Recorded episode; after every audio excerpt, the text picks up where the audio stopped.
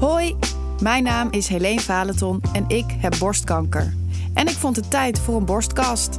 In deze podcast ga ik in gesprek met ervaringsdeskundigen en professionals. Ga er goed voor zitten en laat je inspireren en informeren.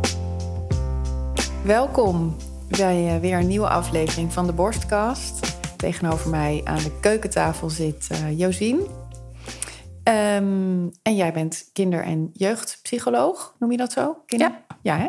ja. Um, wil jij jezelf even voorstellen? Ja, nou ja, ik ben dus Josien Groot en ik werk als kinder- en jeugdpsycholoog um, in het OVG. Mm -hmm. En daarnaast ook bij het Ingeborg Douwen Centrum. En in het OVG werk ik eigenlijk speciaal voor gezinnen met een ernstig zieke ouder. Mm -hmm. Dus dat kan, kan, zijn kanker en dat kan ook zijn opname op de IC of iets met het hart. En bij het Ingeborg Douwen Centrum uh, werk ik als uh, psycholoog en dan begeleid ik gezinnen waarbij kanker speelt. Dus dat kan zijn ja. of het kind heeft zelf kanker of een ouder heeft zelf kanker. Uh, en ja. dan behandel ik eigenlijk van 6 tot 40 ongeveer. Dus ook de jongvolwassenen. Ja, oké, okay, oké. Okay. Ja. Ja, want ik had een oproep gedaan uh, voor deze podcast om ook met professionals in gesprek te gaan.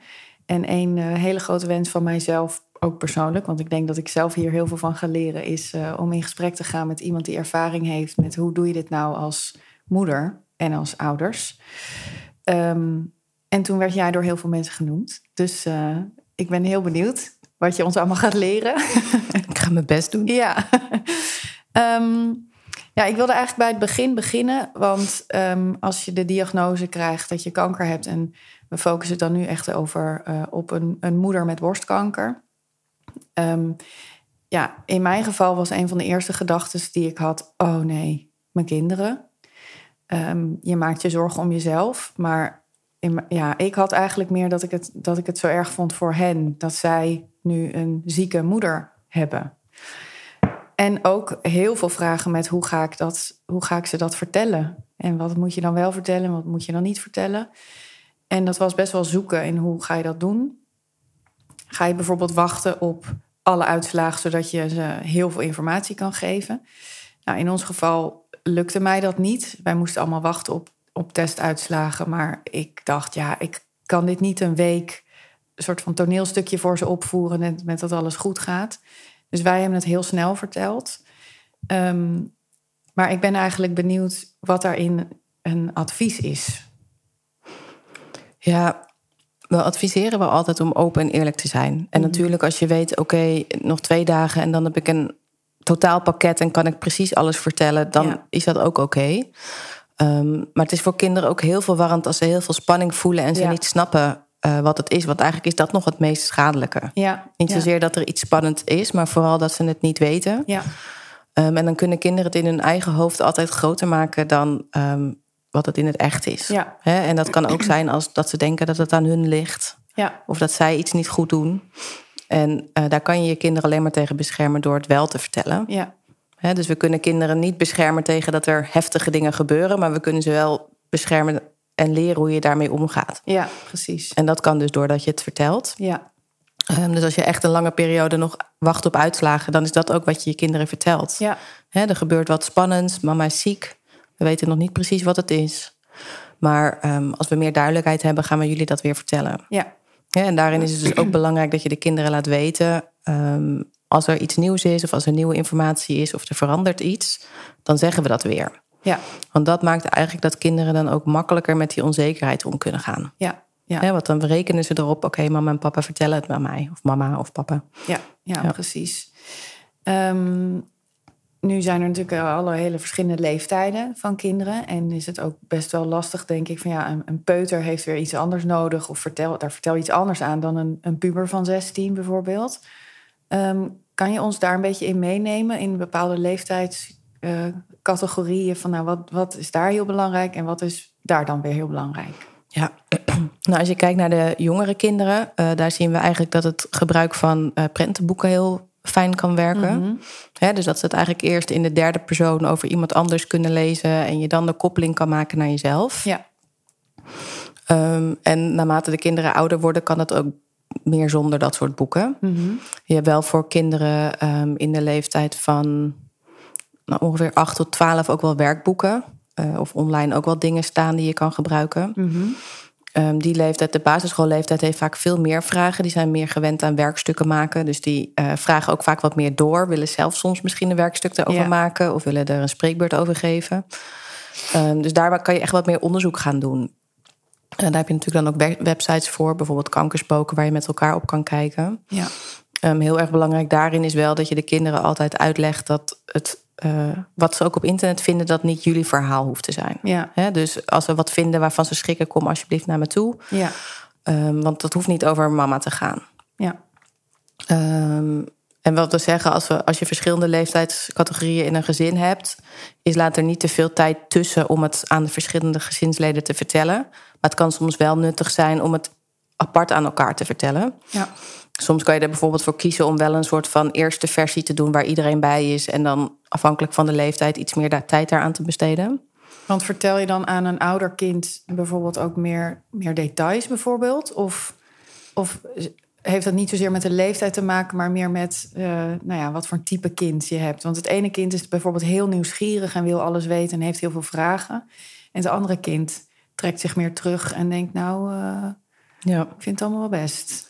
Nou, je vertelt altijd waar het om gaat. Hè? Dus de ziekte, waar het zit uh, en hoe de behandeling eruit gaat zien. Uh, ja. Wat er wel en niet gaat veranderen. En dat is eigenlijk voor alle kinderen heel belangrijk. Ja.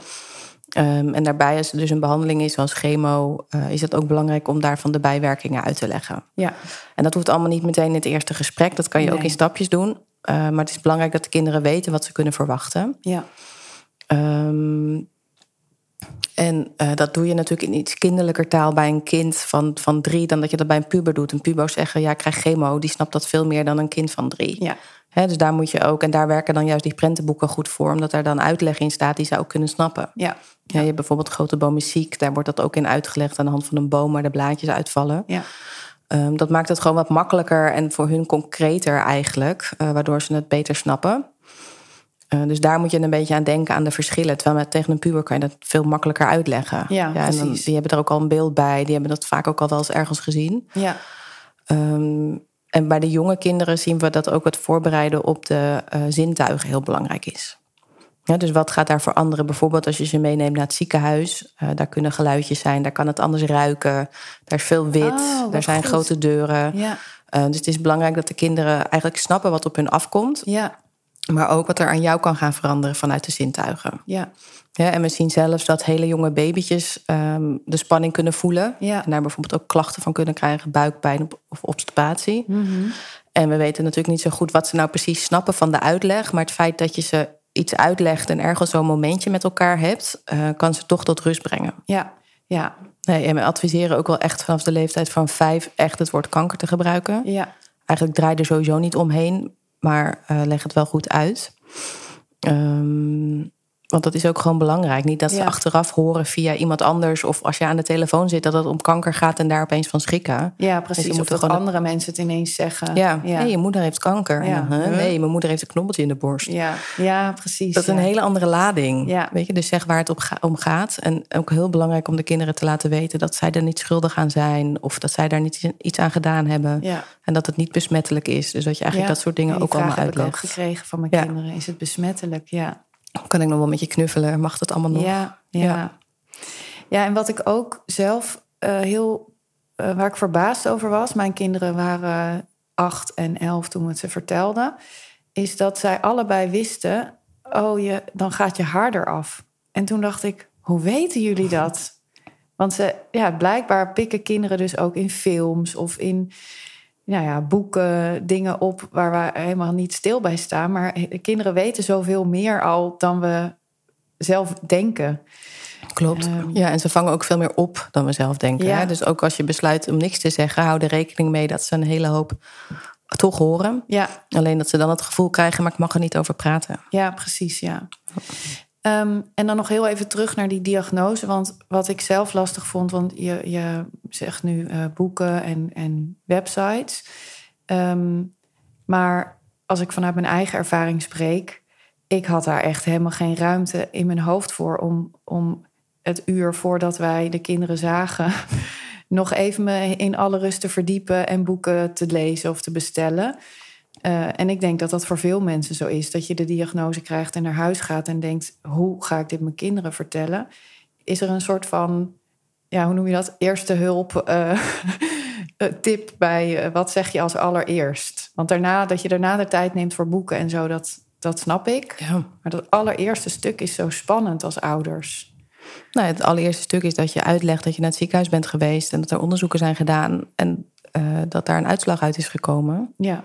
En uh, dat je kanker hebt en waar het zit. Ja. En dan kan je ook al, uh, ook zonder boeken, wel een, een, zelf een lijf tekenen en het bijvoorbeeld aangeven. Ja, ja precies. Um, en dan ook heel belangrijk om te noemen wat, wat, het, wat de opzet van de behandeling is. Ja. Hè? Dus de dokter gaat mama weer beter maken. het wordt wel een zware behandeling. En als ik daar meer duidelijkheid over heb, gaan we je die ook vertellen. Ja. Um, dus zo kan je het ook al doen. En je kan ook zelfs gebruik maken van speelgoed wat er al is. He, ik heb ook Oh ja. ouders die hadden een, een vogel en die hebben zelfs veertjes gepakt en die hebben gezegd: kijk, de veertjes gaan uitvallen. Oh ja. Dus ja. dat kan ook. Uh, je kan het ook tekenen. Hè? Dus als je een, dat lijftekening hebt en je hebt uh, de zieke borst, dat je tekent dat er soldaatjes naartoe gaan, bijvoorbeeld via je arm, Ja. uh, om het aan te vallen. Ja. Um, gebruik daarbij ook een beetje, um, nou ja, ja, de, Die creativiteit. De, ja, en wat bij je kind op dat moment speelt. Ja. Dus Ja. als een kind heel veel dino's heeft, kan je misschien een mama-dino maken. En die is ziek. Ja, precies. Ja. En um, zo kan je dat daar een beetje op aanpassen. Dus het hoeft niet altijd via een boek. nee. Uh, die kan je wel daarna alsnog bestellen, omdat het, het vooral voor jonge kinderen, die doen het veel meer in stukjes. Ja. Dus die kan je het vertellen en dan zitten ze daarna weer ook kijken mijn Lego of een Ja, vliegtuig ja. Of een ook, vogel. En dan zijn ze weer weg. Ja. Wij zeggen ook altijd, kinderen zijn eigenlijk veel mindfuler dan wij. Die Ja. gaan weer terug in het moment. Ja. Maar op het achtergrond blijft het dan nog een beetje doorgaan. Um, dus voor de jonge kinderen kan je daarna ook gewoon een boek bestellen... en, en die weer lezen en zeggen, weet je nog wat mama vertelde... en, en snap je het nu beter? Ja. Um, en vraag wel ook altijd aan je kinderen terug... wat heb je er nu van begrepen? Oh ja. Want soms kunnen ze zelf er een andere invulling aan geven... ja. of oh, toch een andere draai. Goed, ja, dat hebben wij niet gedaan. um, en want ik hoorde jou net zeggen van ja, mama wordt weer beter. Uh, dat vond ik heel. Dat heb ik niet gezegd. Omdat ik dacht, ik wil eigenlijk. Ik wist het zelf niet. Ik, ik, ik wist het toen zeg maar net 24 uur. En toen kon het echt nog alle kanten op. En toen dacht ik, ja, ik, ik wil ze eigenlijk geen beloftes doen. Maar ik wil ze ook wel vertrouwen geven en geruststellen. Ik vond dat heel uh, moeilijk. Ja. Um, zijn er in echt do's en don'ts? Of ja, op het moment dat je het nog niet weet, dan moet je dat ook niet zo zeggen. Hè? Nee. Dus dan kan je wel zeggen: God, ziekenhuis gaat er alles aan doen om, om ja, te kijken wat er mogelijk gezegd. is. Ja. Uh, maar niet liegen. Nee. Want dat gaan ze ook voelen.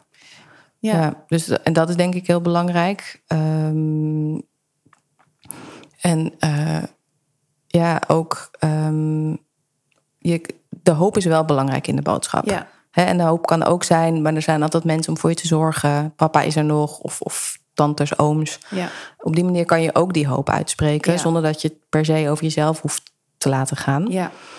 Um, en ook daarvoor geldt wel echt dat je kan zeggen: Weet je, we weten het nu nog niet, maar als daar meer over duidelijk is, gaan we het vertellen. Ja. En um, de doktoren gaan hun best doen. Ja, ja, ja. Nou, dat is inderdaad, als ik nu terugdenk aan dat moment, hebben we dat in, op die manier gedaan. Dus wel geprobeerd vertrouwen te geven in dat er hele slimme dokters zijn. Die gaan heel erg hun best doen om mij beter te maken. Um, maar nog geen beloftes gedaan van, nou, ik word sowieso beter. Want ja, dat wisten we niet. Nee. Um, en mijn zoon, die, vroeg, die zei, mijn jongste zoon, die zei... Oh, en we hebben gezegd, nou, hebben jullie vragen er hierover? Jullie mogen altijd bij on, kunnen altijd bij ons terecht. En toen zei hij, ik heb wel een vraag, maar ik durf hem niet te stellen. Nou, dan weten we allemaal welke vraag dat is. En toen is hij volgens mij even naar binnen gegaan met zijn vader... en heeft hij toen gevraagd, gaat mama dood? Ja, dat vond ik zo heftig. Ja. Uh, want ja, die vraag stelde ik mezelf natuurlijk ook. Um, wat, is dan, wat geef je dan als antwoord? Ja, nou ja, één ding weten we heel erg zeker. We gaan een keer dood. Ja. Dus ja, we kunnen daar geen garanties over afgeven. Nee. Um, uh, dus dat kan je ook wel uitleggen. Van ja, dat, dat weten we niet. Um, nee. Als daar meer over duidelijkheid duidelijk is, gaan we je te vertellen. Ja. Uh, maar mama ja, kan ook ergens aan doodgaan. Ja. Ja, dat hoort ook bij het leven. Ja. Um, maar voor nu gaan we er. Weet je, als je daar duidelijkheid over hebt, geef dan aan wat je weet. Hè? Dus ja. als de doktoren zeggen, nou, we verwachten dat het te behandelen is, dan geef je dat ja. ook aan. Ja. Um, en als daar weer wat in verandert, kan je het weer opnieuw uh, bespreken met de kinderen. Ja. Maar zeg wat je weet. En als het nog niet duidelijk, duidelijk is, dan zeg je dat. Ja. de doktoren zijn nu nog aan het uitzoeken. Als we meer weten, gaan we het vertellen. Ja. Maar de doktoren en mama gaan er alles aan doen omdat dat niet gebeurt. Ja. Dus eigenlijk hoor ik je zeggen, wees gewoon bloed eerlijk. Ja. Dat is echt wat kinderen nodig hebben. Ja, en vermijd ook zelf het onderwerp dood niet. Want als je kinderen vertelt, mama heeft kanker en ze gaan naar school. Ja. Helemaal op die basisschoolleeftijd. Dan gaan er zoveel verhalen komen van opa's, honden, katten. Uh, Weet ik veel wie er allemaal ook kanker hadden. Ja. En die zijn hartstikke dood gegaan. Ja, precies, ja. Ja, dus dan gaat die vraag alsnog achter in hun hoofd zitten. Ja. Ehm, heel veel ouders stellen ook wel de vraag: ja, maar als ik er zelf over begin, doe ik dan niet een zaadje planten wat er nog niet zat? Ja. Nou ja, ik heb liever dat je een plant en dat je er dan over kan praten met elkaar, dan dat die er in zijn achterhoofd wel zit, maar die denkt ik durf er niet over te praten. Ja, of dat je kind op school of uh, bij een sportclubje ineens overvallen wordt door zo'n zo'n zaadje. Zeg Ja. maar van, oh, wacht, daar had ik nog niet eens over nagedacht. En eh, dan liever, Nee. dan liever in een veilige gezinssituatie. Ja, en wij hebben bijvoorbeeld bij het Ingeborg Douwencentrum ook wel eens een jongetje gehad dat was getraumatiseerd doordat hij naar een lotgenotengroep ging en Ja. daar inderdaad hoorde je kan ook aan eraan doodgaan. Ja, dat was ook een van mijn vragen. Ik weet namelijk dat er groepen zijn voor kinderen. In, hier in Amersfoort is dat het eh, Toon Hermans huis.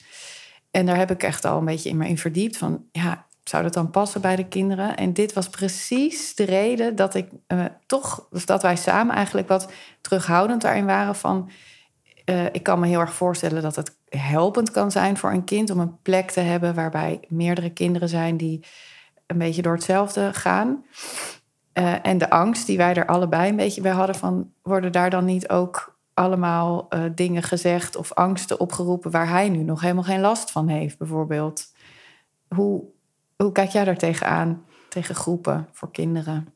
Ja, ik denk dat je het inderdaad zo moet zien als dat het voor sommige kinderen heel goed is. Mhm. Ehm, maar ook daarvoor geldt dat het heel belangrijk is dat je van tevoren alles hebt besproken. Ja, En, zo, en je kinderen ook uitlegt, er zitten daar kinderen met allerlei verhalen. Ja, Hè? En dat is, is niet ons verhaal. ja, Ehm, maar die kinderen hebben wel allemaal ook spanning en stress in het gezin. Dus Ja. dat is een gezamenlijk iets. ja, Ehm, en hoe, als je merkt van oké, dat kan mijn kind aan, ja, dan is het helemaal prima. En dan kan hij daar ook, of die daar behoefte aan heeft. Hè? Als een Ja. kind zegt, dat vind je juist fijn, hè? mensen die ongeveer hetzelfde zitten, ook al is het wat anders.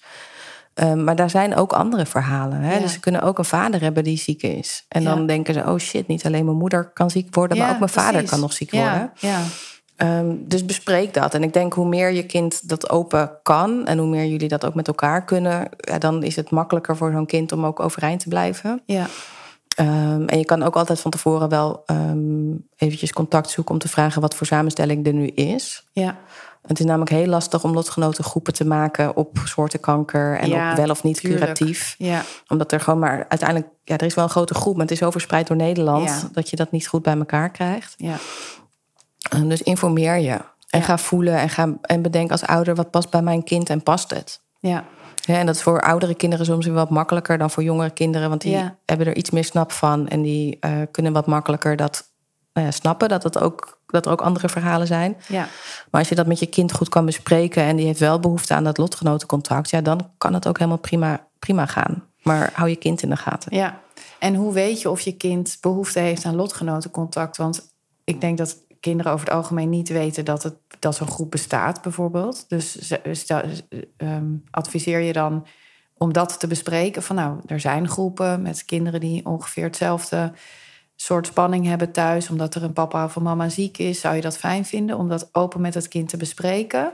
Ja, dat kan je inderdaad. Als jij denkt van, goh, dat zou goed zijn. Ik denk dat je moet beginnen als ouder bij jezelf. Als je denkt van, goh, dat past bij mijn kind. Ja, precies. Ja. En dat je dan gaat, gaat kijken van, oké, zou, zou de groep ook passen? En dan kan je met je kind bespreken, zou je dat willen? Ja, Sommige kinderen beginnen er zelf over. Hè? Van, goh, ik kan er met weinig mensen over praten. Of, of de andere kinderen snappen me niet. Dat Ja. soort signalen. ja, Ja, dan is het bijvoorbeeld wel goed om erover na te denken. Ehm, maar ja, blijft het inderdaad vanuit je ouderblik kijken... en neem daarna ook Ja. je kind erin ja. mee. Je kent je kind zelf het allerbeste natuurlijk. En ook binnen een gezin kan dat natuurlijk heel erg verschillend zijn. Ja, en we horen echt wel verhalen van kinderen die daar wat aan hebben gehad. Hè? Want er worden ook leuke dingen gedaan en het is Ja. ook een beetje knutselen. Ja, Ehm, maar wij vinden wel ook altijd de kanttekening belangrijk dat het niet voor ieder kind ja precies. is. Ja, en ehm, in zo'n groep, ehm, ik weet inderdaad dat, dat het ook gewoon een gezellige middag dan kan zijn met wat activiteiten. En worden er dan ook een soort ehm, kringetjes met eh, vragen die gesteld worden. Zo, hoe gaat dat in zijn werk? Dat, dat Ja. kan je namelijk niet echt lezen. Nee, maar dat weet ik natuurlijk ook allemaal niet echt precies. Want ik doe ze niet. Nee, nee maar, Maar ik dacht, misschien heb je wel eh, kinderen of ouders gesproken die, naar zo'n groep zijn geweest. En dat je weet, oh, dat, gaat, dat gebeurt daar ongeveer. Nou ja, ik weet wel dat er soms inderdaad gebruik wordt gemaakt van een praatstok. En dat ze dan een, een verhaal mogen doen. Of dat er aan Oh, bepaalde ja. thema's gewerkt wordt. Ja, Ehm, dus dat je denk ik zo moet zien. Maar het verschilt ook wel heel erg per, per plek per misschien. plek. Ja, en Ja. ook hoe de groep samengesteld is. Welke leeftijden er bij elkaar zitten Ja. bijvoorbeeld. Dus ik zou echt wel zeggen, als ouder ga dat gewoon dan Informeer je. navragen. Ja, precies. Informeer je en kijk Ja. dan nog of het past. Kijk, ik weet ook bijvoorbeeld bij ons in Amsterdam... hebben we ook eh, wat trainingen voor jonge kinderen in het preventieve aanbod. Mhm. En dat is bijvoorbeeld eh, Piepje en Piepzij de Muis. En Piepje Ja. is dan voor hele jonge kinderen. En Ja. Piepzij de Muis van 4 tot 8. En dat is bijvoorbeeld gericht op spanning in het gezin. Ja, En dat kan zijn een scheiding, dat kan zijn een ziekte, dat kan zijn een overlijden. Maar dat gaat niet zozeer over wat er is, maar wel dat er spanning is. Ja, en hoe precies. doe je dat dan met emoties en wat kan je de kinderen daarin leren? ja, Ehm, ja, dat is natuurlijk alweer een stukje makkelijker in te zetten dan echt een lotgenotengroep ja. bij bijvoorbeeld een inloophuis. Ja, ja precies. Oké, helder. Ehm, nou ja, kinderen kunnen natuurlijk heel verschillend hierop reageren. Eh, dat heb ik bij mijn twee zoons bijvoorbeeld al gezien. Echt totaal verschillende reactie. De een klapte naar buiten en de ander klapte naar binnen qua emoties. Ehm, wat zijn signalen bij je kind waar je als ouders van, ja, waar je op, waar je op eh, belet moet zijn? Van oké, hier moeten we misschien wat mee. Ja. Nou ja, wat we zien is dat eigenlijk over het algemeen de eerste 0 tot 4 maanden kinderen allerlei reacties kunnen laten zien. Mhm. En wij zeggen dat is eigenlijk een normale reactie op een abnormale situatie. Ja, Eh, daar hoef je ook niet altijd meteen van in de stress te schieten, maar je kan ze er wel bij helpen. ja, dus als ze inderdaad meer boos zijn, geef ze activiteiten waarin ze de boosheid kwijt kan kunnen. Eh, Ja. ga even over de kanker schelden, ga de kanker krassen en verscheuren. ja. Geef ze opties om dat te kunnen uiten.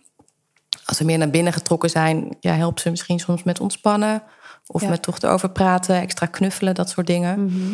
Ehm, maar eh, we zeggen wel altijd, hou ook goed de basis in de gaten. Kan een, slaapt een kind nog goed? Eet het nog goed? Ja, Eh, lukt het nog om naar school te gaan? En als kinderen echt bepaalde angsten of fobieën krijgen... of ehm, het echt ook hun vriendschap in de weg zit... en daarin ook echt een ontwikkeling... Mhm. Ja, dan is het wel goed om aan de bel te trekken. ja, Dus het is echt eigenlijk in het begin ook wel... ja, moeten de kinderen er even doorheen... ja, En daarin kan je ze steunen door met die emoties om te gaan. Uh, maar ook wordt het bijvoorbeeld alleen maar erger in de loop van de tijd, ondanks dat de situatie niet verandert. Ja, dan zie je ook wel dat een kind het niet kan dragen. ja, ja. Over het algemeen hebben kinderen heel veel veerkracht. ja, En zien we dat um, in, in het geval van curatieve behandeling uh, 75% er eigenlijk ook gewoon goed doorheen komt. ja, ja. En uh, 25% kan er wat angstklachten aan overhouden. Dus wat uh, posttraumatische stresssymptomen. ja. Maar daarin zien we wel ook altijd dat dit samenhangt met hoe de communicatie is en hoe de emoties in het gezin al beleef, Ja. beleven worden, zeg maar. Ja, dus is een gezin, is er al meer spanning door een scheiding, door financiële problemen, maar ook het is minder normaal om over emoties te spreken. ja, Of er wordt helemaal niet zoveel over de ziekte gepraat, dan speelt het ook allemaal mee in hoe kinderen het ontwikkelen, zeg maar. ja. En wat er in hun eigen hoofd uh, Ja. zich allemaal gaat afspelen. Klopt. Ja. En dan hebben ze dus meer kans op dat ze er problemen aan overhouden dan op het moment dat dat uh, niet zo is. In openheid besproken wordt. Ja. Ja. Um, ja, dit is een hele moeilijke vraag. Um, maar uh, een kind gaat de eerste vier maanden door het totale chaos. Mhm. Maar als ouders ga je dat ook. Ja. En is het nogal. Um, nou, ik, ik vond het zelf best heftig als mijn kind ineens heel verdrietig was en angstig was. Ja, dan zat ik gewoon mee te huilen. Want dan was ik ook, zeg Ja. maar. Hè? En ja, um, je wil het als ouders zo graag goed doen en je wil ze hè, zo'n stabiele, rustige ouder zijn die het allemaal uh, uh, helemaal op een rijtje heeft. Maar je hebt het niet op een rijtje, want je bent Nee. zelf ook uh, helemaal van de leg. En even nog los van chemo's en wat dat met je doet. Um, hoe heb je tips? Nou, ik denk als eerste dat je los moet laten dat je um, alleen maar een goede ouder bent Ja. als je stabiel en, um, uh, en balans hebt, uh, zeg maar. En kinderen mogen ook best zien dat jij verdrietig bent. Ja. Um, wat we vaak doen is onze kinderen beschermen door zelf niet zoveel te laten zien.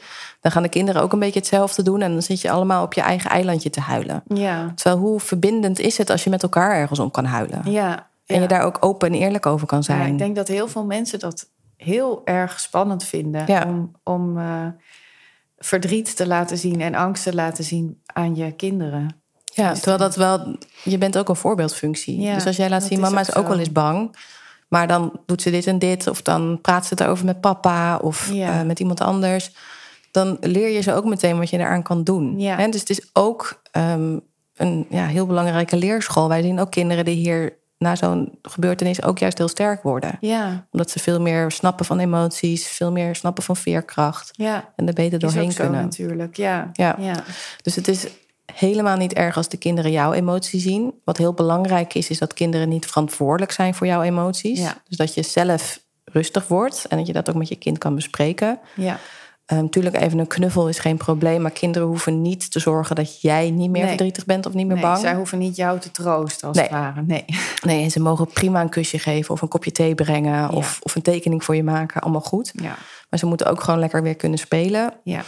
En zolang dat, dat goed gaat, ja, dan mag dat er ook zijn. En dan Ja. kan ik zeggen, mama is er ook wel eens verdrietig over. Of mama vindt het ook wel eens spannend. Ja, want Ja. dat is natuurlijk ook gewoon zo. Ook daarin dus heel eerlijk zijn. Ja, Ja. want anders gaan ze het wel aan je voelen. Ja, En dan gaan, Ja. ze er, gaan ze of zo heel clownest om je heen doen om het maar weer op te lossen. ja, Of ze gaan je een beetje vermijden. Of eh, ze worden zelf boos vanuit de spanning die ze voelen. ja, Ja, dus bespreek het en op een manier die ook weer past bij de, bij de kinderen. ja, ja. Hè, maar als jij vol schiet omdat iets je raakt... Ja, dat is het leven. Dat gaan ze hun hele leven meemaken. Ja, en eigenlijk is het, ehm, is het wel mooi, misschien zelfs als levenservaring en al heel jong.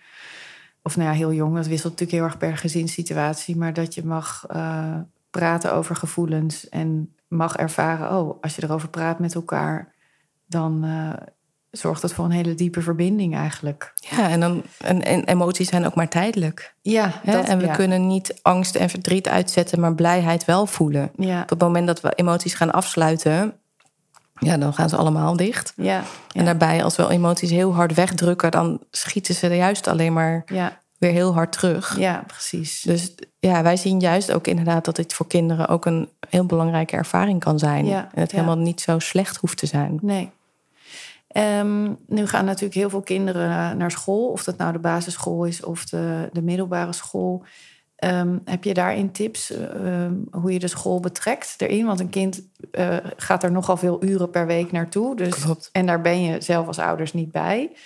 Ehm, hoe, hoe, is het, hoe pak je dat aan? Nou, ook, dat, ook daarvoor geldt bespreek ook met je kind wat je kind eh, fijn vindt. ja. Ehm, zeg wel altijd, school moet het weten, maar wat wil jij? Ja. Hè, waar heb je behoefte aan? Moet de juf er af en toe naar vragen? En dat is voor een basisschool weer veel makkelijker dan de middelbare Ja. school. Daar heb je maar één of twee juffen vaak, of meesters. Ehm, en ook hoe wil je de klas informeren? Dus betrek daar de, je kind ook bij. En het ene Ja. kind zegt, nou dat ga ik zelf vertellen... en ik ga er een spreekwoord over houden, prima. Ja, Het andere kind zegt, ja, dat, dat, dat, ik weet niet of ik wil dat ze het weten. Nou ja, dan kan je ook nog uitleggen waarom jij denkt dat het goed is. ja, Maar de meester of de juf wordt altijd geïnformeerd. En Ja. op de middelbare school wordt dat de mentor. Mhm. Ehm, en vooral op de middelbare school is het erg belangrijk dat je met de pubers bespreekt wat zij van school willen. oké, ja. Dus dus eigenlijk een beetje eigen regie geven Ja. aan, aan het kind. En dat ja. dan ook gaan bespreken met school. Ja, Ehm, niet alle scholen zijn gewend om hiermee om te gaan. nee. Eh, dus soms is het ook voor hun de eerste keer. En, en ze krijgen er ook niet altijd opleiding voor. Dus ik heb ook in de coronatijd wel periodes gehad dat mensen eh, online les hadden. En dat ze midden in die Zoom-les gingen vragen: en hoe gaat het met je moeder? Nou ja, die lag doodziek in bed over te geven. Dus ja, daar ga je dan geen antwoord op geven als puber, want dat is veel te dichtbij. Ehm, en die leraren proberen, bedoelen het allemaal goed. Ja. Ze willen je aandacht geven, ze willen er voor je zijn, maar het is natuurlijk onwijs onhandig. Ja, Dus je moet daar ook een beetje in helpen opvoeden. ja, Ehm, dus vraag ook aan je, aan je kind wat hij nodig heeft. En op de middelbare school is dat soms ook zoeken naar... oké, eh, lukt het nog om alle vakken in de toetsweek te maken bijvoorbeeld? Eh, want dat doet ook soms wat met je concentratie als je je zorgen maakt. ja, Ehm, eh, en probeer daarin samen met je kind en de school een soort lijn te trekken. ja, En het ene kind heeft nou eenmaal iets meer vrijheid nodig. Die zegt, nou, ik kijk wel wat me lukt. ja. Maar het andere kind heeft eigenlijk ook gewoon nodig, je gaat dit gewoon proberen. Dus probeer dat ook een beetje als ouder in te schatten voor je kind. Ja. We hebben ook wel verhalen van kinderen, van jongeren op de middelbare school. Nou, die werden helemaal, nou, ik zie wel wanneer je er bent. Maar ja, die konden dat helemaal niet aan. Want dan gingen ze in bed liggen, kwamen ze niet meer. Nee, precies. En de anderen die moesten maar overal zijn. Maar die werden veel te moe en die dachten, ja, het zou me zo helpen als ik even een uurtje kon skippen. Ja. Hè, dus ehm, voor elk kind geldt wat anders. En ook moet je daar dan de school in meenemen wat er mogelijk is. Ja. ja. Maar we adviseren dus altijd, ga het bespreken. En ga ook vertellen wat je verwacht of wat je zou willen. Ja, en ehm, het, wat wij in ieder geval hebben gedaan is... we hebben gezegd van we, we gaan de dingen zo normaal mogelijk door laten gaan. Dus we gaan gewoon samen eten en op tijd naar bed. En we gaan gewoon naar school en blijven sporten en zo. Uh, dat hebben we maar gewoon vanuit eigen intuïtie zo gedaan. Uh, niet, want eigenlijk is de eerste reactie: ik hou ze thuis en we gaan samen onder de deken zitten huilen, bij wijze van spreken. Maar dat, dat is gewoon, dat werkt niet, dat helpt niemand. Uh, misschien eventjes, maar niet voor weken. is dat ook, hebben we dat goed gedaan eigenlijk? Ja. Ja, kijk, het is, is voor kinderen ook belangrijk dat er gewoon structuur is en ja. duidelijkheid en dat bepaalde dingen gewoon doorgaan. Ja. Um, en ik leg aan de kinderen altijd uit: je moet het zien alsof je aan het roeien bent in een roeiboot. Je moet aan de ene kant doorgaan met het leven en aan de andere kant af en toe door de, de, door de pijn doorleven, zeg Ja. maar. Um, en je moet met allebei roeien. Want als Ja. je maar met één roeit, dan eh, maak je een eh, rondje. Ja. Um, dus allebei is belangrijk. Dus voor kinderen om overeind te blijven en om er juist goed mee om te gaan, is het ook belangrijk dat ze op school gewoon weer even kind kunnen zijn en er even uit zijn. Ja. Ehm, er helemaal nooit over hebben of het helemaal wegstoppen is ook niet goed. Nee. Dus dat is een beetje de, de balans die je als Ja. gezin moet vinden.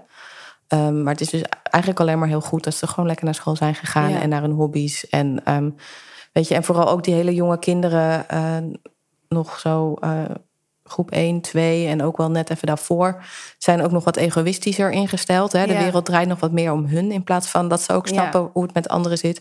Dus die kunnen daar ook echt naar vragen. Van goh, en wie gaat me dan naar voetbal brengen? En wie, Ja. wat, dat is de duidelijkheid die zij nodig hebben. En dat is voor hun belangrijk. Dus nee, het is zeker goed als je kijkt van oké, ehm, nou ja, hoe gaat dat lukken en wie gaat dat dan doen? En ook daarin dus gewoon duidelijk bent van zo gaat het eruit zien. Ja. En voor jonge kinderen helpt het dus bijvoorbeeld ook om gewoon een planbord te hebben. Waarop je ook kan aangeven wanneer je naar het ziekenhuis moet voor behandeling. Hè, dus dat je per dag elke keer even kan bespreken. Nou, zo ziet het eruit. Ja. En wij horen ook wel van ouders, ja, dan ehm, wordt er steun aangeboden van mensen om ons heen. En die zeggen dan bijvoorbeeld, nou, ik kan de kinderen wel een keertje opvangen. Ja. Of ik kan ze wel een weekendje hebben. Ehm, klinkt hartstikke leuk. Maar dat is voor de kinderen natuurlijk eigenlijk helemaal niet zo heel leuk. Ja, dat was ook een van mijn vragen. Ja. Die, eh, dat aanbod krijg je inderdaad.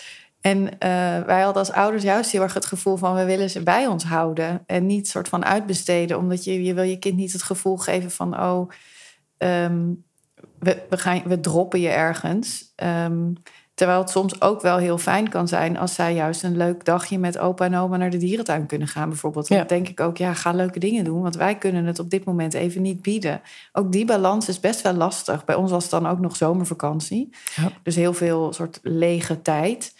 Ehm, maar daarin hoor ik je eigenlijk ook zeggen: zoek naar een balans. Dus niet de hele tijd met mensen mee, Nee, maar af en toe leuke dingen doen met iemand anders is wel ook leuk. tuurlijk. Ja. Ja. en vooral ook het ene kind is daar ook anders in. Hè? Als je al een Ja. kind hebt wat regelmatig bij opa en oma sliep... omdat het dat gewoon heel fijn vindt... Ja, ja, dan kan het nu ook prima. Ja, Want dat is al iets wat normaal was. ja, Ehm, maar het kan soms veel handiger zijn als mensen boodschappen voor je doen en voor je koken, zodat je zelf met je gezin kan eten.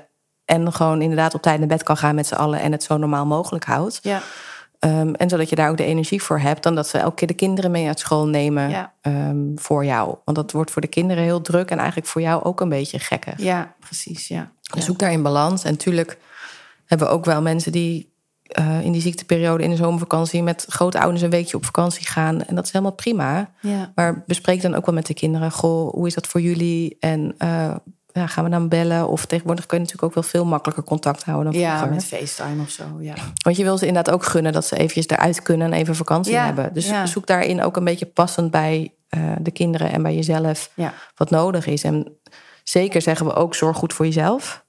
Ja. Hè? Dus, en dat is, die maakt ook die balans lastig. Ehm, dus als jij wel een keer een weekendje nodig hebt om even zonder de kinderen bij te komen, zodat je de rest van de week gewoon weer de leuke moeder kan zijn, ja. Ja, dan is het ook prima. Ja, precies. Dus je moet ook, ja, jeetje, wat moet je dan veel afwegen? hè? Ja. Je, je eigen, je eigen inspanning, ontspanning eh, en dat van je kinderen. En die kunnen dan ook nog eens, als je meerdere kinderen hebt, andere behoeftes hebben daarin. Klopt. Ja, Ja. en je partner.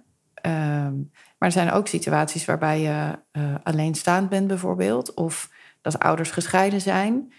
Ehm, hoe, heb je daar nog specifieke tips voor? Voor gescheiden ouders of alleenstaande ouders? Als je kijkt naar gescheiden ouders, is het wel belangrijk dat een andere ouder hiervan bijvoorbeeld ook op de hoogte is. Mhm. dus dat het geen geheim hoeft te zijn. Nee. Dat wordt voor kinderen natuurlijk sowieso altijd heel gekkig. Ja. Ehm, en in, in het mooiste geval kan de andere ouder ook af en toe de opvang doen als je het zelf niet kan. Ja. Want dat is voor hun altijd rustiger dan dat er weer anderen bij komen kijken. Ja. Ehm, en dat een andere ouder dus ook die steun kan geven aan de kinderen. Want soms zien we wel dat kinderen bijvoorbeeld aan degene die ziek is, dingen niet durven te vragen, die ze wel aan de ouder durven te vragen die niet ziek is. Ja. Ehm, dus daarin is juist die andere ex-partner heel belangrijk. Ja. Ehm, nou weten we natuurlijk ook dat er soms wel vechtscheidingen zijn en waarin het allemaal lastig gaat. Ja. Ik hoop altijd maar dat ouders hun eer even aan de kant kunnen zetten eh, en er voor de kinderen kunnen zijn. Maar soms, soms is het ook lastig. Ja. Ja. Ehm, en dan kan het bijvoorbeeld wel fijn zijn als er iemand anders uit de omgeving ehm, wat in kan springen. Ja. Hè? Dus dat je een, een goede vriend hebt of een broer of een zus of een andere tante en oom die er voor de kinderen af en toe als vast persoon kan zijn. Ja. Hè, dat kan bijvoorbeeld ook als je alleenstaand bent. Ehm, kijk waar de kinderen zich prettig voelen, waar ze toch net even soms wat kunnen halen wat ze niet bij jou kunnen halen. En kijk of dat zoveel mogelijk in één persoon kan zijn. Ja. Ja, dat is ook wel een goede. Ja. Van kijk in je eigen omgeving van wie zou deze rol even kunnen vervullen eigenlijk. Ja, Ja. Wie Ja. kan er gewoon net even nog wat meer aandacht aan ze geven ehm, in die periode, waardoor ze daar eh, nou ja, ook de vragen kunnen stellen die ze misschien op een andere plek niet doen. Ja. Ja. En wat we ook wel zien is dat soms ouders het idee hebben dat kinderen er bijvoorbeeld helemaal niet over praten.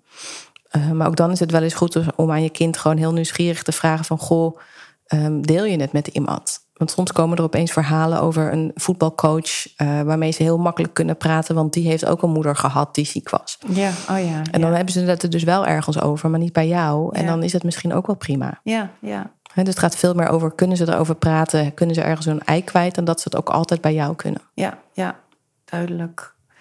Ehm, wat ik me ook nog afvroeg, want we hebben het net een beetje gehad over eh, eigenlijk het eerste stuk hè, van eh, diagnose vertellen of dat, dat, nou, dat dit speelt. En dan op een gegeven moment ga je zo'n heel behandeltraject in. En dan ehm, eh, gaat een kind vaak ook pas eigenlijk zien dat mama ziek is. Want dat is ook heel gek, dat, dat, dat wij eh, bijvoorbeeld vertelden, ja, ik ben ziek. Maar ja, ik voelde me niet ziek. Nee. Ik deed niet ziek. Ik lag nooit in bed eh, overdag. Dus dat was een soort. Voor ons was dat al heel raar om te horen, maar voor die kinderen al helemaal natuurlijk. Van huh, maar eh, als je kanker hebt, dan, eh, dan lig je toch eh, kaal in bed, zeg maar. Ja. Zo'n beeld hadden zij dan. Ehm, maar dat moment gaat wel komen dat de chemo ehm, ervoor zorgt dat het haar uitvalt, bijvoorbeeld. Ehm, nu zijn er hele verschillende manieren om, denk ik, daarmee om te gaan. Bijvoorbeeld met het afhalen van het haar. Wat voor heel veel vrouwen best wel een, een ding is om dat eraf te halen. Ehm, soms kiezen vrouwen ervoor om dat van tevoren al te doen. ehm, voordat het uitvalt, zeg maar. Ehm, en dat de kinderen daarbij zijn. Of juist eh, dat je dat alleen doet. Of zijn daar, zijn er ook soort van tips in? Of is het antwoord per kind verschillend? Ja, en per moeder ook, denk ik. Ja, Het begint ook bij jezelf. Ja, Want als jij het, niet je kinderen erbij wil, dan mag dat ook. ja, Hè, maar dan is het wel belangrijk dat je ze uitlegt en gaat zeggen: Oké, mama's haar gaat eraf. ja, Dus ehm, er is geen kant-en-klaar antwoord, behalve dan dat er niet over praten altijd fout is. ja. Ehm, dus, dus heb het erover. Mhm. Hè? En sommige kinderen kunnen dat ook inderdaad lastig vinden. En die hebben dan liever niet dat ze je kale, kale hoofd zien, bijvoorbeeld. Ehm, je probeert daar toch ook een beetje rekening met elkaar te houden. Eh, anders krijg je dat je kinderen misschien alleen maar meer weggaan. En dat is ook niet, dat is ook niet leuk. Nee, Ehm, dus probeer, je bent met elkaar een gezin en je met elkaar deze last. eh, probeer het ook met elkaar dan een beetje te dragen en met Ja. elkaar. En wat ik je net inderdaad ook hoorde zeggen, ehm, het gaat zoveel over communicatie. ja. Hè? Eigenlijk is dat de keyword ja, hier. ook hè? als je zegt, je moet zoveel dingen af te wegen. Ja, maar als je met je partner gaat praten van, goh, wat denk jij? En als je met elkaar Ja. daarover in gesprek blijft en wat heb jij nodig? Maar ook met de kinderen.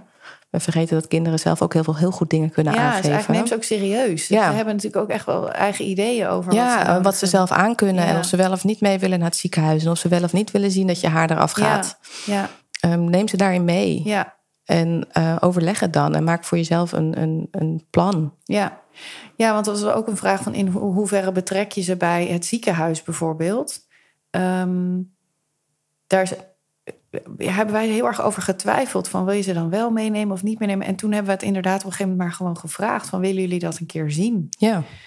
Ehm, en dat wilden ze wel. Dus ze gaan ook nog één keer mee naar de, de, de allerlaatste, nee, één na laatste chemo. Ehm, want ik heb ze ook gevraagd van, eh, ja, hoe denken jullie dat dat gaat dan?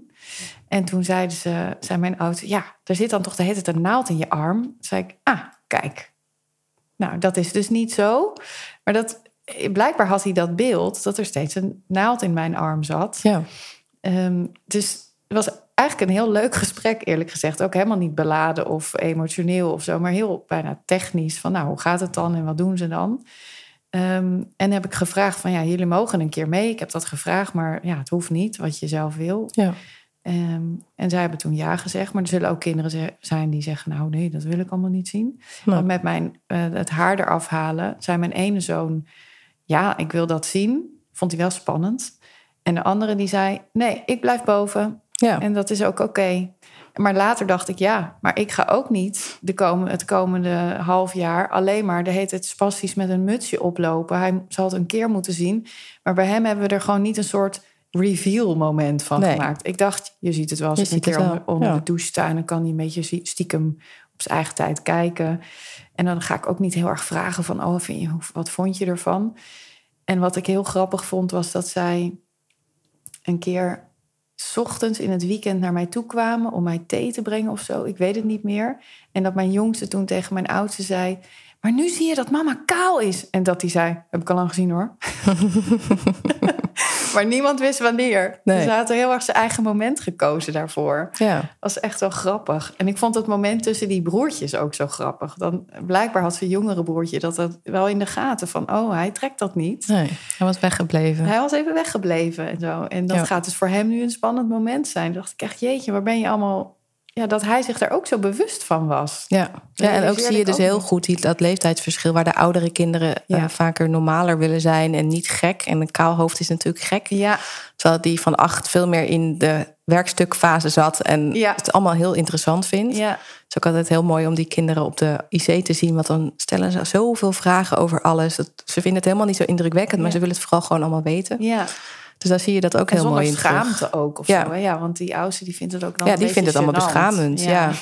Ja. en wat je inderdaad zei, er zit natuurlijk ook een verschil tussen spastisch rekening houden met of Ja. gewoon rekening houden met. Hè? precies. En dat zit hem in dat je beneden in de woonkamer bijvoorbeeld wel je mutsje of je doekje of je pruik opzet waar je jezelf prettig bij voelt. Ja, Maar het is natuurlijk ook wel aan hem om te snappen dat als jij in bed ligt, dat je daar niet spastisch mee omgaat. Nee, nee. Hè? Dus dat hij dan zelf daarvoor moet kiezen. ja, precies. vooral daar ook weer eerlijk op en open over zijn. Ja, en dus ook naar je eigen gevoel. Ja. Van ja, ik heb het ook nodig om eh, kaal in bed te kunnen liggen, Ja. zeg maar. En dan ja. kan je dat ook ge- aangeven. van, Goh, weet je wel, mama ligt altijd koud in bed. Ja, precies. Ja. Dan kan je er rekening mee houden. Ja.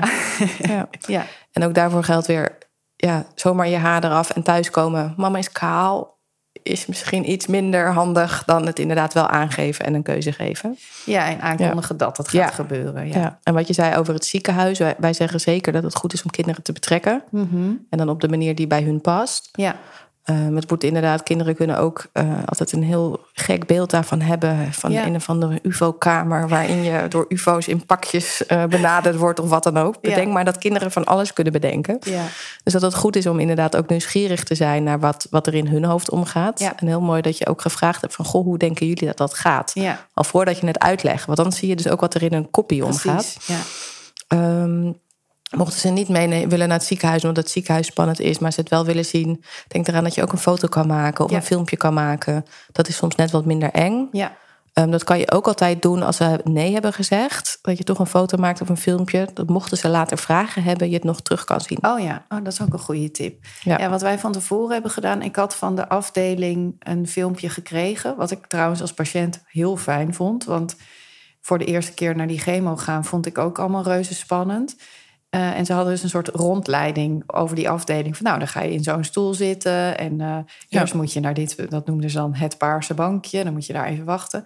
Dus ik vond dat al fijn. En dat hebben we toen ook laten zien. Van nou, dit is. Uh, en dan in dat filmpje zie je verder geen patiënten of zo. Dat is alleen maar gewoon hoe de afdeling eruit ziet. Ja.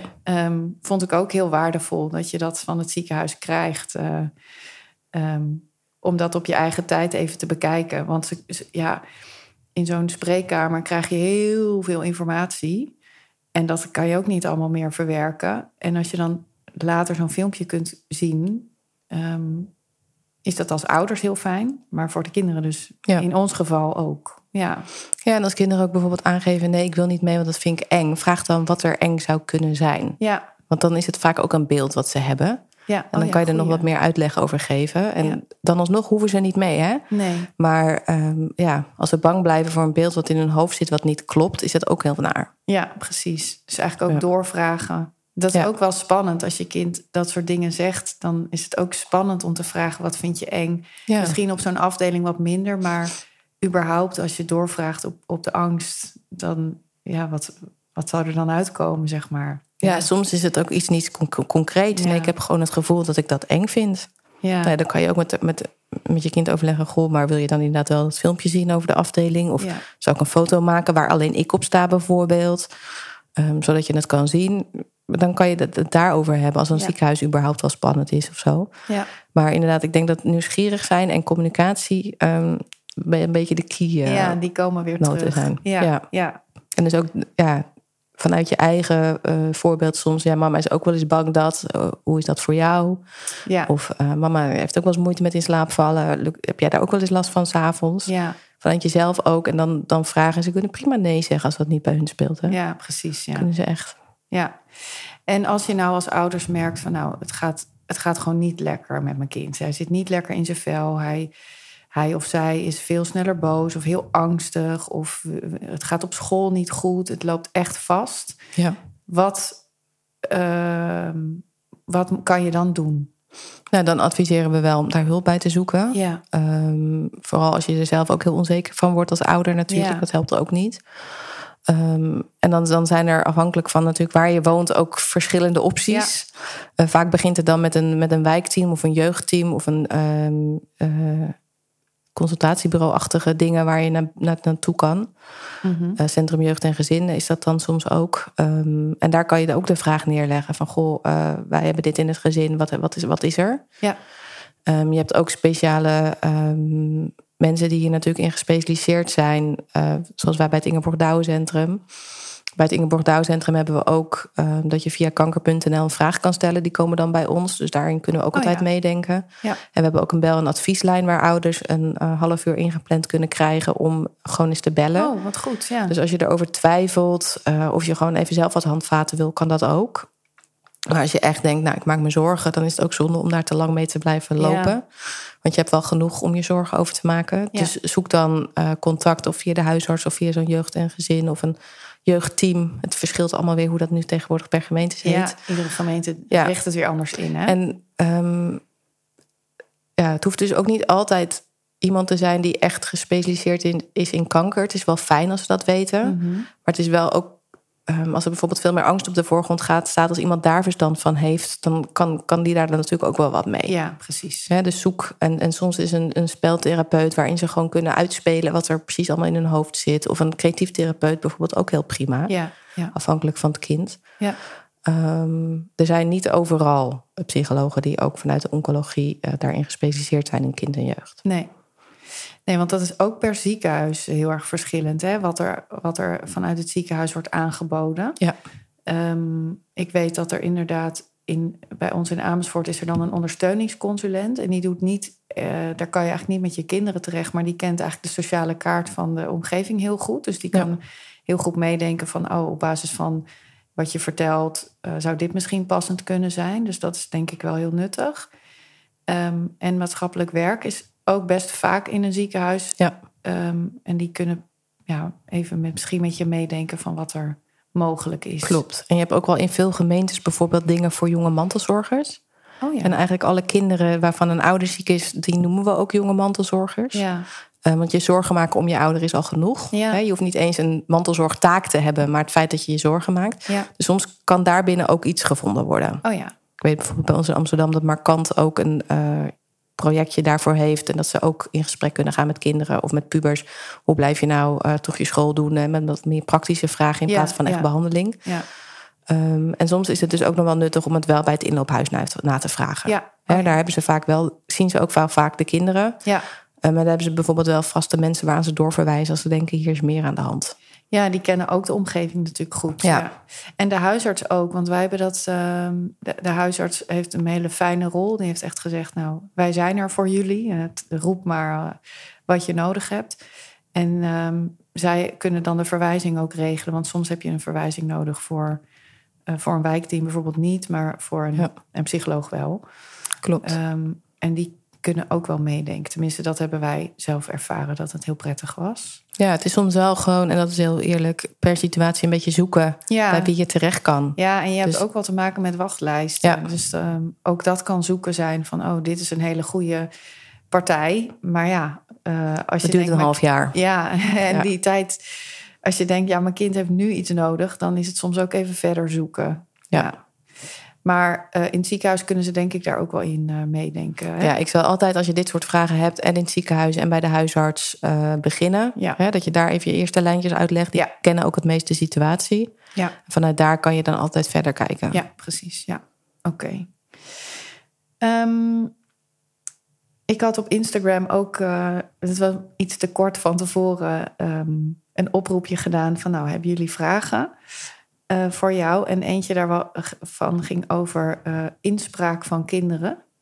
Um, nou, die, die inspraak die, uh, had dan met gescheiden ouders te maken. Nou, dat is in deze ziektesituatie misschien niet helemaal passend. Maar toen zei ik dat net even voor de opname. En toen zei jij, en ik dacht, die moet eigenlijk ook in de opname. wat, wat zei je ook alweer? Ja, ik zei, ik hoop dat kinderen altijd inspraak hebben. Ja, en dat is wat anders om daar ook uiteindelijk naar te luisteren. Hè? Ja. Maar je kind horen Um, en betrekken is denk ik wel heel belangrijk. Ja. Um, en natuurlijk kan je dan als ouders alsnog besluiten, ja, maar wij vinden dat dit belangrijk is. Ja. Um, maar dan kan je het ook wel uitleggen. Ja. En ik denk dat ook, dat ook rondom de ziekteperiode uh, zo is. Betrek je kind en hoor hem ook. Ja, precies. Ja. ja. ja. Um, oh ja, dat was ik net nog vergeten. Um, we hebben het net een beetje eigenlijk meer over die, de chemofase zeg maar, gehad. Maar er is ook een operatie. Mm -hmm. uh, in, in bijna alle borstkankergevallen wordt er in ieder geval geopereerd. En um, is juist chemo niet altijd zo. maar het beeld van chemo is een soort van heftiger dan opereren. Tenminste, dat was bij mij zo. Terwijl ik denk, nou, dat is eigenlijk ook een hele heftige ingreep. En ben je ook hartstikke beperkt daarna misschien in nou ja, wat je kan. Uh, en kan het ook voor kinderen een heel soort horrorbeeld worden van een operatie. Ja. Um, heb je daar nog tips voor hoe je dat met je kinderen doet? Of is dat een beetje op dezelfde manier als met chemo? Nou ja, ik zou het, het ook uitleggen. Ik zou ook uitleggen wat, wat de planning is. Hè, of je een nachtje moet slapen of niet. Ja. Um, en daarin ook dus bij jonge kinderen bedenken dat uh, ze veel met hun zintuigen bezig zijn. Dus ook wat kunnen ze daarin verwachten. Oh ja, dat is echt een goede tip. Ja, ja je hebt ook um, om kinderen voor te bereiden uh, op het ziekenhuis. Bijvoorbeeld ook Mama gaat naar het ziekenhuis. Uh, ja. Dat is een boek waar wat helemaal geschreven is voor een operatie. Um, om kinderen voor te bereiden van oké, okay, oh ja. hoe gaat het nou in zo'n ziekenhuis? En hoe ja. weten ze zeker dat jij degene bent die welke operatie krijgt? Dat je een bandje omkrijgt en waarom de liften zo groot zijn, want daar past een bed in. Oh ja, ja, ja. ja. Um, dus dat soort dingen wordt daar allemaal in uitgelegd. Dus, en daarvoor geldt ook wel. Um, ja, het is belangrijk dat kinderen daar op tijd op voorbereid worden. En natuurlijk niet vijf maanden, want dan nee. snappen ze het niet. ja, dus... Maar ook niet een dag van tevoren. Nee. kinderen hebben ook die herhaling nodig om het, om het te snappen. Dus mama gaat geopereerd worden en daarin kan zo'n boekje dan weer helpen. Ja. Kan ook een. Um, kijk, ik zeg ook wel eens rondom chemo's. Als jij iets van zes chemo's moet of bestralingen. Je kan ook altijd knikkers of stenen in een potje doen en er elke keer met de kinderen een uithalen. Dat ze zien, oh ja, zover zijn we. Ja. Want voor kinderen is die tijd ook heel gek. Ja. En ook dat zo'n operatie er dan aankomt, dat ze de uh, kans hebben om daar vragen over te stellen. Dat ja. je uitlegt wat er gaat gebeuren en ook wat ze daarna kunnen verwachten. Um, ja, dat is gewoon heel erg belangrijk dat ze weten waar jij bent. Ja. Um, als je niet hier bent. Ja, precies. Ik heb met mijn kinderen samen een aftelschema gemaakt ja. daar op de koelkast. En bij elke keer hebben ze een tekening, een vakje in een tekeningetje gemaakt. En uh, zien ze daarmee, oh, het blad is bijna vol. In ja. mijn geval dan nu. Nou ja, zoiets. Weet je, dat geeft de kinderen houvast. En dan daardoor snappen ze, tijd is voor hun sowieso iets anders dan voor ons. En ja. ja. hoe lang ben je dan ziek? Het is toch allemaal veel te lang. Ja. En um, dus daarin kan dat gewoon helpen. Ja. ja. Ik heb, wat ik ook nog uh, wilde zeggen was... Um, ik heb eerst uh, vier kuren gehad die heel heftig waren... waar ik ook heel beroerd van werd. En volgens mij de derde of de tweede, ik weet het niet eens meer... Um, hebben wij een vakantiehuisje geboekt gewoon hier in Nederland. Omdat ik dacht, ja, of ik nou hier in bed lig of daar, uh, die kinderen hebben daar een lekker zwembad waar ze in kunnen. Ja. En toen de eerste week voelde ik me heel ziek en was ik echt veel aan het slapen, lag ik veel in bed. En de tweede week niet, want dan knapte ik weer op en zijn we leuke dingen gaan doen. En toen vroeg ik aan ze van, hey, hoe vonden jullie het nou die eerste week? Want ja, ik ben toch een beetje uh, afwezig geweest. En zij waren, keken mij verbaasd aan met, huh? Hoezo? Was je dan ziek? En toen dacht ik, oh ja, ik heb dus in mijn hoofd als moeder, oh, dat is heel erg, want dan krijgen die kinderen het helemaal niet um, een leuke, vrolijke, betrokken moeder mee en zo. Maar dat hebben zij totaal niet zo ervaren. Dus um, uh, we hadden het net over, het kan in het hoofd van het kind heel groot worden, maar ik heb het eigenlijk andersom ook ervaren. Ja. Dat in mijn hoofd iets dan heel erg of heel zwaar uh, werd. En toen ik het vroeg, bleek het, zij, zij hebben een topweek gehad, want zij hebben lekker gezwommen. En wat ik dan geprobeerd heb, is op de eetmomenten er te zijn. Dus wel samen ja. ontbijten, samen lunchen, samen avondeten. En dat zijn van die, van die eikpunten op een dag. En daar was ik gewoon bij. Dan ging ja. daarna weer naar bed. Maar ja, ik moest toch ook eten. En toen dacht ik, oh ja, dat is ook goed om je eigen angst misschien af en toe te checken. Goed genoeg is ook goed, hè? Ja, precies. Ja, ja. ja en ook dat, je, dat, ze, dat ze snapte waarom je op bed lag. Hè? Dus ze hebben daar ja. geen zorgen over gehad. Ze hebben het nee, gesnapt. Het niet. was gewoon nodig. Ja. En je was er op die belangrijke momenten. Ja, we zeggen ook altijd: het is ook in die ziekteperiode belangrijk om herinneringen te maken. Dus dat het niet alleen maar ziekte is geweest. Oh ja. Um, en dat hoeft echt niet de Efteling te zijn. Wij hebben echt precies dat. Het kan ook de Efteling zijn. Maar als, je, als kinderen terugkijken, dan onthouden ze veel meer. Wij hebben op vrijdag altijd een filmpje gekeken. Of, oh ja, ja, weet je, van die dingen ja. die vaker terugkomen.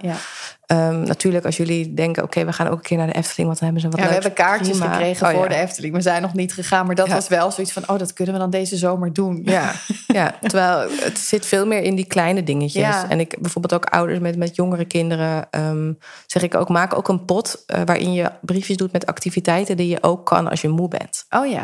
En dan Oh, kunnen de kinderen er daar eentje uit trekken. En dan heb je toch zo met elkaar nog een leuk momentje. Ja. Dat kan zijn een film kijken. Dat kan zijn dat ze jou voorlezen. Dat kan zijn dat zij een tekening maken en jij alleen maar toekijkt. Maar bedenk met elkaar van oké, okay, uh, wat, wat kunnen we dan nog wel? Ja.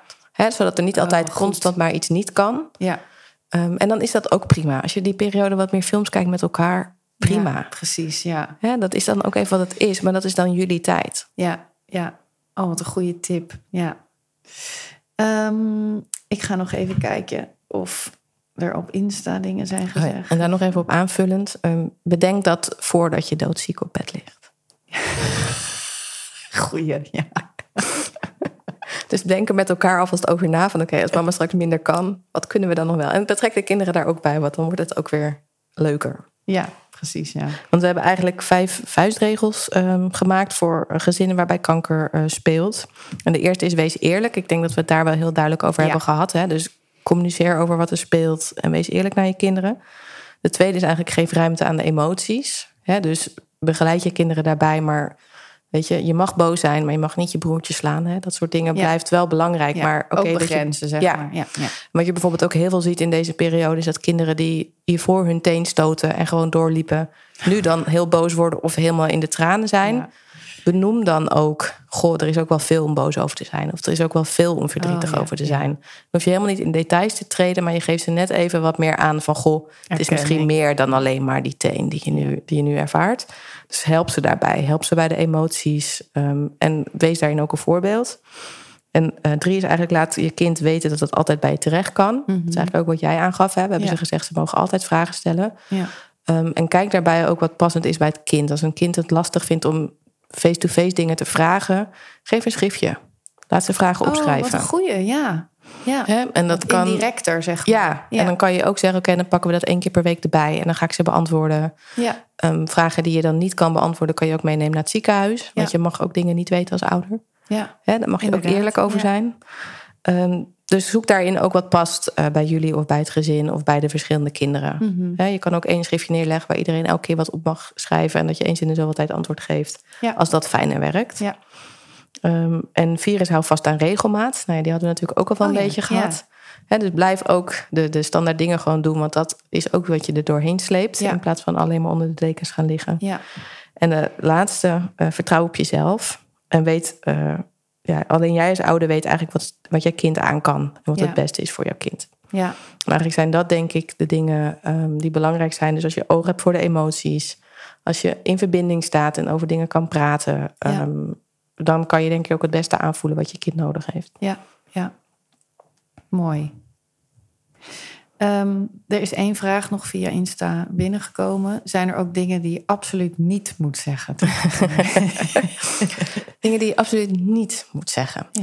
Nou ja, ehm, rondom als je kijkt naar bijvoorbeeld de dood, moet je dat nooit slapen noemen. Oh Eh, ja. want dat is wel echt een. eh, ja. Ik Ja. ben al in shock dat überhaupt mensen dat zo zouden zeggen. ja, maar we proberen het te verzachten. En dan, ja, iemand gaat gewoon slapen. Eh, maar dan kunnen kinderen heel bang zijn om zelf te gaan slapen. Ja. Dus dat soort dingen zijn altijd belangrijk. Ehm, ja, wat moet je nog meer echt niet zeggen? Kijk, ik zal niet in pure angst en paniek je kinderen informeren vanuit je eigen angst en paniek. Dus Nee. zorg ook altijd dat je zelf eerst even ehm, hebt bedacht wat ga ik vertellen en het even heeft verwerkt. Ja. Je hoeft dus ook niet vanuit het ziekenhuis met, door meteen het te zeggen. Je mag ook echt eventjes eh, een momentje voor jezelf pakken of met jou en je partner. Of als je geen partner hebt, roep er dan iemand anders bij die je daarin kan steunen. Ja. Ehm, zodat je als je het gaat vertellen, het ook nou ja, kan vertellen zonder dat je eh, totaal overspoeld wordt. Nogmaals, het is niet erg als je wel huilt. Nee, precies. Maar dat is natuurlijk net even het verschil. ja. hè? Ja, ja, ja. En als je met, het, met z'n tweeën bent, kan de andere dan ook gewoon overnemen. ja, want huilen omdat je gewoon verdrietig bent... of totale, pure, blinde paniek... Ja, is, wat verschil. anders. Ja. Ja. Ja. en dat is natuurlijk, dat maakt kinderen nog machtelozer. Ja. Ehm, en het is voor kinderen best ook wel goed om soms een, een taakje te hebben, bijvoorbeeld. Dus het Oh is helemaal niet zo dat kinderen niks voor je mogen doen. Het kan ook juist net even zijn dan, dan, dat ze zich dan niet zo machteloos voelen, want ze kunnen iets doen. ja. Eh, zolang het maar in balans is eh, Ja. met de leeftijd en met wat ze kunnen. Ehm, en wat ik dus al eerder zei, het is nooit goed als je kinderen verantwoordelijk worden voor hoe jij je emotioneel, Nee. voor je emotionele steun. Ehm, en ik zal wel echt eh, aanraden om niet te liegen. Ja. Zeg dan eerder, ik weet het niet. ja. Of als we dat weten, dan gaan we het vertellen. Ehm, maar bewust liggen, dat, dat maakt het heel kwetsbaar. Want als Ja. ze erachter komen, kunnen ze ook echt heel boos, boos worden. Ja, en het zal iets met het vertrouwen Ja. überhaupt doen. Ja. En, eh, dat eh, mensen misschien daar eh, oneerlijk over kunnen zijn tegen ze. Ja, Ja. Dus zeg dan eerder, dat weten we nog niet. Zodra ik meer weet, kom ik bij je. Of ik, ik weet het antwoord niet. ja. Maar ga er niet iets omheen breien. Nee.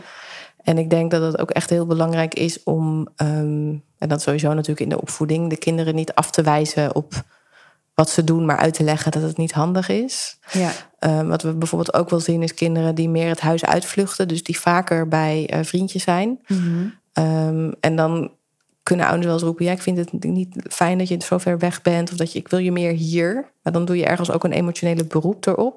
Terwijl als je eens gaat gewoon met kinderen in gesprek gaat van: Goh, wat haal je daar? En waarom ben je daar? Ja. Ehm, dan kun je vanuit daar ook best wel bespreken: Goh, maar ik vind het wel jammer dat ik je minder zie. Ja. Kunnen we daar een balans in vinden? Maar beginnen is gewoon vanuit die nieuwsgierigheid ja. van: Goh, wat brengt je daar? En niet meteen eigenlijk een schuldgevoel Ja. aanpraten van eh, Ja. je laat me in de steek. Ja, minder steek. Ja. Ja. want dat kunnen we natuurlijk best wel af en toe denken. Ook als we. bedoel. We zijn allemaal in zo'n situatie zelf ook gestrest en emotioneel. Dus Ja. je gaat ook soms eh, dingen eisen die niet helemaal nou ja, rationeel Passend zijn, misschien. ja. Dus bedenk dat ook even. Ook als je je eigen emotie hebt. we, we- we kunnen er allemaal uitschieten. Maar kom er dan ook even op terug. Ja. Van goh, dat was niet zo handig voor mama. Ik denk Ja. dat ze door de, door de angst zelf of door de spanning zelf ook wat sneller boos werd. Ja. En dan mag je daar echt wel een fout in maken. Maar Ja. je mag het ook gewoon weer goed maken. Ja, erop terugkomen is dan eigenlijk belangrijker dan het maar heel spastisch voorkomen. Ja, en het dan misschien ook gewoon uitleggen. Hè? Dus dat je een emmertje hebt die al voller is. Wij noemen dat in de psychologie de window of tolerance. Dus in dat raam kan je het hebben. En in deze situaties gaat je gordijntje gewoon wat dicht. Dus je schiet er wat makkelijker uit. Ja, En op het moment dat je daaruit schiet, ga je niet meer naar elkaar luisteren. Dus heeft het ook geen zin. nee. Dus zorg daarin voor jezelf. Zodat je zelf zoveel mogelijk in je raampje blijft. En ook met je kinderen. Ja, Dat is dus ook echt heel erg de balans zoeken in echt wel ontspannen momenten. ja, ja. Nou, goede, goede afsluitende tip, denk ik. Ik wil je heel erg bedanken. Geen dank. Ik heb er zelf weer veel van geleerd. En ik hoop heel erg dat het eh, voor mensen die eh, aan het begin van zo'n traject staan... eh, een helpende aflevering kan zijn van... oh ja, hier, is, hier kan ik op letten. Ja. Ehm, we gaan in de show notes alle tips zetten. Want jij hebt een hele waslijst aan websites Klopt. en ook eh, boeken. Die kunnen we allemaal delen. Dus ehm, kijk vooral daarin ehm, nou, wat past bij jouw situatie en bij jouw kind. Yes. Dankjewel. Geen dank. Veel dank voor het luisteren van deze aflevering. In de show notes is meer informatie te vinden over het thema dat we besproken hebben. Laat een berichtje achter in de comments en laat vooral weten wat je ervan vond. En geef deze podcast sterren. Dat helpt ons om meer bekendheid te krijgen. Wil je meer weten over de Borstkast en onze gasten? Volg ons vooral op Instagram en zoek op de Borstkast. Liefs, Helene.